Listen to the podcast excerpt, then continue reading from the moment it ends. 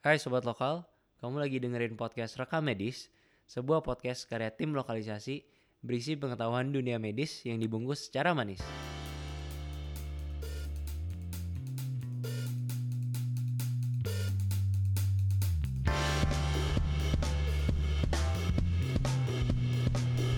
Are you ready kids?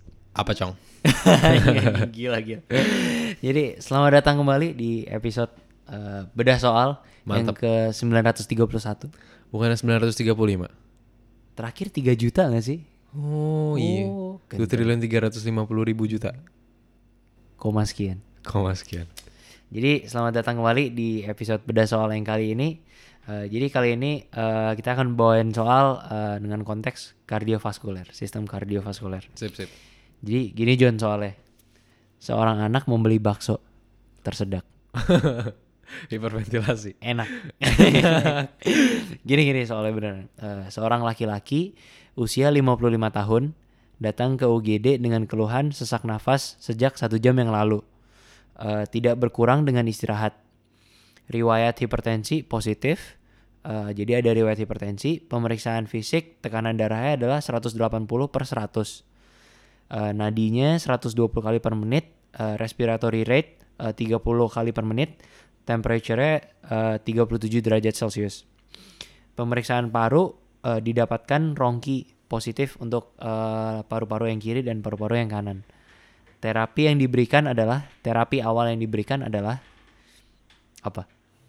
Jadi pilihannya A nitrat, eh, B dopamin, C loop diuretik, D dobutamin, E spironolakton. Eh, jadi diulangin lagi ya soalnya. Dia ada laki-laki usia 55 tahun datang ke UGD dengan keluhan sesak nafas sejak satu jam yang lalu dan dia udah beristirahat tapi tidak berkurang keluhannya. Terus riwayat hipertensi ada dan pada pemeriksaan fisik tensinya adalah 180 per 100 mmHg. Terus eh, untuk nadia 120, respiratory rate 30, suhunya 30 derajat normal. Terus pemeriksaan parunya di paru kiri, lapang paru kiri dan kanan didapatkan rongki. Hmm. Jadi terapi awal yang diberikan adalah ada A nitrat, B dopamin, C loop diuretik, eh, D dobutamin, E spironolakton. Wah, Coba dibedah. coba dibedah. Pasien umur 55 tahun. 55 tahun. Datang dengan nyeri dada. Sesak napas. Sesak nafas. Sesak napas. Memori gua agak kacau. Kacau. Terus intinya dia itu hipertensi. Ya, Hipertensinya tuh lumayan tinggi ya. 180. Kayak hampir hypertensive emergency. Ya. Terus eh, dia nadinya juga meningkat. Respiratory rate-nya 30. meningkat. Terus tapi temperaturnya normal. Terus di Pemeriksaan, pemeriksaan fisik, fisik paru, paru-paru adanya lapang rongki. kiri, lapang kanan, rongki. Rongki itu menandakan adanya apa ya? Ada suara nggak bener lah. Ada cairan mungkin ya. Ya. Jadi kalau gue sih mikirnya kalau ada jantung yang mompa sangat nah pokoknya mompanya sampai tekanan darahnya 180 itu kemungkinan dia bisa nyebabin apa ya pulmonary edema mungkin. Hmm. Nah, terus jadi pertanyaannya adalah Terapi treatment terapi awal, yang bisa diberikan. ya kan? Pertama tadi A ya. Nitrat, A itu nitrat. B dopamin, C loop diuretic, eh, D eh, D dobutamin dan E spironolakton. Ya gue mikirnya kalau misalnya nitrat tuh biasanya tuh kasih buat pasien yang ada gejala-gejala nyeri dada gitu mungkin ya. Nyeri dada. Jadi yang pasien datang dengan tanda-tanda klasik buat acute myocardial infarct, biasanya ada nyeri dadanya lu kasih nitrat. Jadi nitrat kan buat ya, vasodilatasi. Kalau B dan D tadi, kayaknya tuh lu kasih dia inotrop sama chronotrop. Jadi lu kasih kalau jantungnya tuh kurang kemampuannya, ya kan? Ini gue mau jawab, coba jawab by exclusion ya. Siap. Nah kalau C sama E itu kan diuretik, spironolakton MRA. Kalau B, kalau C itu loop diuretik, berarti dia kerjanya lebih cepat lah relatif, ya relatif lebih cepat. Ini kalau menurut gue sih jawabannya sebenarnya ya mungkin C. Loop diuretik terus mungkin gue kasih tambahan juga bisa dikasih calcium channel blocker mungkin. Nifedipine atau nicardipine. Karena kayaknya tekanan darahnya hampir masuk udah masuk kali ya udah masuk hypertensive emergency. Batasnya sih kalau nggak salah ya Batasnya. ya, 180 hypertensive 180, crisis. heeh. Jadi udah nih kunci jawabannya. Iya apa? C lah C, loop diuretics ya. loop diuretik Jadi jawabannya yang benar adalah heart failure. Jadi benar ya, benar benar. Jawabannya loop diuretics. Jadi kan tadi pasiennya sesak nafas tidak berkurang dengan istirahat. Hmm. Uh, terus ada riwayat hipertensi, tekanan darahnya 180 uh, per 100 mmHg. Terus rongki ada di rongki dan kiri dan kanan. Jadi uh, udah tuh uh, untuk pertama kali kita lihat dari presentasi pasien. Uh, pasien sesak nafas. Sesak nafas itu kan penyebabnya bisa bisa macam-macam. Orang asma juga bisa sesak nafas gitu. Tapi di sini uh, tidak berkurang dengan istirahat. Nah, tapi mungkin di sini uh, kasusnya mungkin uh, bisa kalau misalnya ada pasien beneran kayak gini kita bisa gali lebih dalam.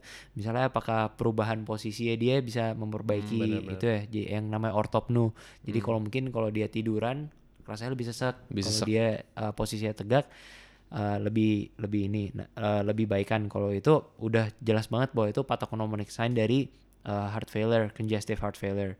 Terus tadi ada riwayat hipertensi dan emang tekanan darahnya dia masih 9 180 over 100 gitu. Jadi memang masih tinggi dan juga didukung tadi dengan ada uh, rongki positif. Uh, rongkinya ada di kedua lapang kiri dan kanan. Jadi itu udah uh, menandakan bahwa ada kemungkinan ada pulmonary edema. benar-benar Nah, yang bikin dia uh, sesak nafas. Jadi emang diagnosis saya dari orang-orang itu uh, dari kasus tadi di atas adalah heart failure. Yoi. Untuk gagal jantung sendiri tuh gejala yang paling khas adalah sesak nafas yang tidak dipengaruhi oleh istirahat. Jadi dia mau istirahat nggak istirahat, sesak nafasnya tetap persisten, tetap ada. Dan juga uh, terjadinya uh, kelelahan. Lalu biasanya juga bisa ditemukan dengan edema tungkai. Oh iya benar itu extremity ya edema itu udah pasti ada. Terus juga eh, biasanya ditemani juga gejala-gejala itu tadi eh, ada takikardia takipnu eh, terus ada rongki paru efusi pleura eh, terus juga ada peningkatan vena jugularis terus ada edema ada hepatomegali Hmm. Nah, terus juga eh, biasanya secara kalau misalnya eh, jantungnya diperiksa secara tu- struktural itu udah ada perubahan-perubahan misalnya seperti eh, kardiomegali. Terus kalau pada pemeriksaan auskultasi dengan stetoskop ada suara jantung ketiga, ada murmur. Jadi mungkin secara struktural emang udah banyak eh, berubah dia. Yoi. Hmm, Jadi tadi juga dalam kasus kan ada riwayat hipertensi. Hmm, Seperti yang benar-benar. kita ketahui bahwa hipertensi biasanya bisa menyebabkan uh, dilated cardiomyopathy. Jadi dari situ sendiri juga uh, intinya jantungnya jadi hipertrofi, dia semakin tebal. Jadi ada kemungkinan bahwa end diastolic volume dia akan semakin berkurang kan. Kan dia makin tebal, ruangannya semakin habis. Hmm, konsentrik ya. Nah, jadi konsentrik itu tadi. Jadi itu udah eh, benar. Jadi ketika eh, karena itu tadi pasiennya udah menunjukkan eh, gejala-gejala dan dari pemeriksaan fisik maupun pemeriksaan toraks eh, mengarah ke heart failure yang ditandai dengan itu tadi mungkin ada efusi pleura atau misalnya ada edema, eh, edema paru, makanya dia bisa sesak. Nah, untuk pilihan dari treatmentnya sendiri, eh, sebenarnya treatment dari heart failure tuh berdasarkan algoritma eh, ada dua non farmakologis dan farmakologis. Oh, Kalau iya. untuk non farmakologis kan biasanya untuk eh, jangka panjang lah ya, untuk supaya mencegah perburukannya tidak terjadi perburukan. Jadi ada misalnya eh, restriksi cairan, mengurangi jumlah intake cairan, dan juga ada eh, olahraga teratur. Nah untuk terapi farmakologis ya, kalau misalnya tekanan sistole dia di atas 110 bisa diberikan itu tadi loop diuretik itu yang Yoi. pertama. Hmm. Biasanya Di loop berapa? diuretik eh, di atas Tekanan darah? 110. Sistol. Sistol di atas Oh, I 110. see. Eh, jadi untuk furo, eh, loop diuretik yang paling sering digunakan adalah Furosemide. furosemide. Untuk furosemide eh, itu dosisnya yang dipakai 20 40. sampai 40 mg ya benar. 20 sampai 40 mg karena itu tadi loop diuretik itu sifatnya cepat. Jadi dia bisa Iya. menangani kondisi sesaknya itu bisa di alleviate dengan cepat. Cepat gitu ya. reliefnya bagus. Eh, lalu untuk kalau misalnya untuk sistole eh, udah terkontrol misalnya nih eh, sistole sampai 85 sampai 110 mmHg itu nggak perlu pakai terapi tambah eh, nggak perlu oh jadi kalau sistole di atas 110 selain furosemid boleh ditambahin vasodilator. Jadi bener yang tadi Nitrat. dibilang eh, calcium channel blocker. calcium channel blocker juga. itu bagus bisa ngebantu. Tapi kalau misalnya 85 sampai 110 mmHg cukup diberikan loop diuretik saja. Kalau misalnya dia kurang dari 85 tekanan sistole, kita harus mulai curiga adanya shock kardiogenik. Jadi penanganannya udah beda Oh, lagi kan kalau misalnya iya. shock. Itu baru kita tambahin tadi inotropik, Dopamin, doputamin, doput dobutamin itu. noref, Hmm, vasopresor. Justru vasopresor. jangan dika intinya jangan dikasih obat yang vasodilasi. Yo, Karena kalau vasodilasi makin habis tekanan darahnya dia. benar-benar. Nah itu tadi. Nah kalau kita bahas lagi perjawaban tadi A ada nitrat. Nitrat itu vasodilator. Itu eh, ya boleh sih ditambahin, tapi itu bukan terapi yang utama karena utamanya adalah diuretik. Diuretik. Diuretik. Yang kedua tadi ada dopamin. Dopamin itu diberikannya pada eh, kondisi-kondisi yang udah udah shock. Dia udah tekanan darahnya jauh terlalu rendah, dikasih dobutamin. Soalnya dia sebagai inotrop supaya membantu eh, jantungnya memompai lebih bagus lah Hmm. itu tadi. Terus untuk eh, dobutamin, eh karena kalau dobutamin dan dopamin ini sebenarnya eh, mirip ya cara Mirip, kerjanya mirip. mungkin mirip. Tapi kalau di sini dobutamin itu indikasinya lebih kayak tekanan darahnya rendah, tapi dia masih belum sampai dalam kondisi shock. Jadi di sini disebutkan bahwa dobutamin itu biasanya digunakan pada tekanan darah sistol antara 70 sampai 100 mmHg Hmm. eh, tanpa ada kondisi shock I see. itu diberikan dobutamin. Lalu untuk yang spironolakton, eh spironolakton itu kan yang seperti kita tahu eh, bahwa dia itu potassium sparing ya. Iya, dia sparing. eh, diuretik yang tidak membuang potasium. Hmm. Itu dia itu bukan pilihan utama jelas karena eh, selain dia butuh waktu untuk bekerja, efek diuretiknya dia juga sedikit. Nggak jadi kurang diuretik ya. kurang efektif loop Oke, diuretik. sip. Jadi jawabannya tadi adalah benar yang C yang loop diuretik. Mantap. Mantap. Mantap. Mantap. Gila kita udah siap jadi dokter. Belum sih. Belum, belum, lah, belum. Masih jauh, men. Masih jauh. Hidup tuh penuh dengan pembelajaran. Gila, nikmati prosesnya. Nikmati prosesnya. Enjoy the process, bro. Proses. Jadi mungkin sekian dari episode bedah soal kali ini.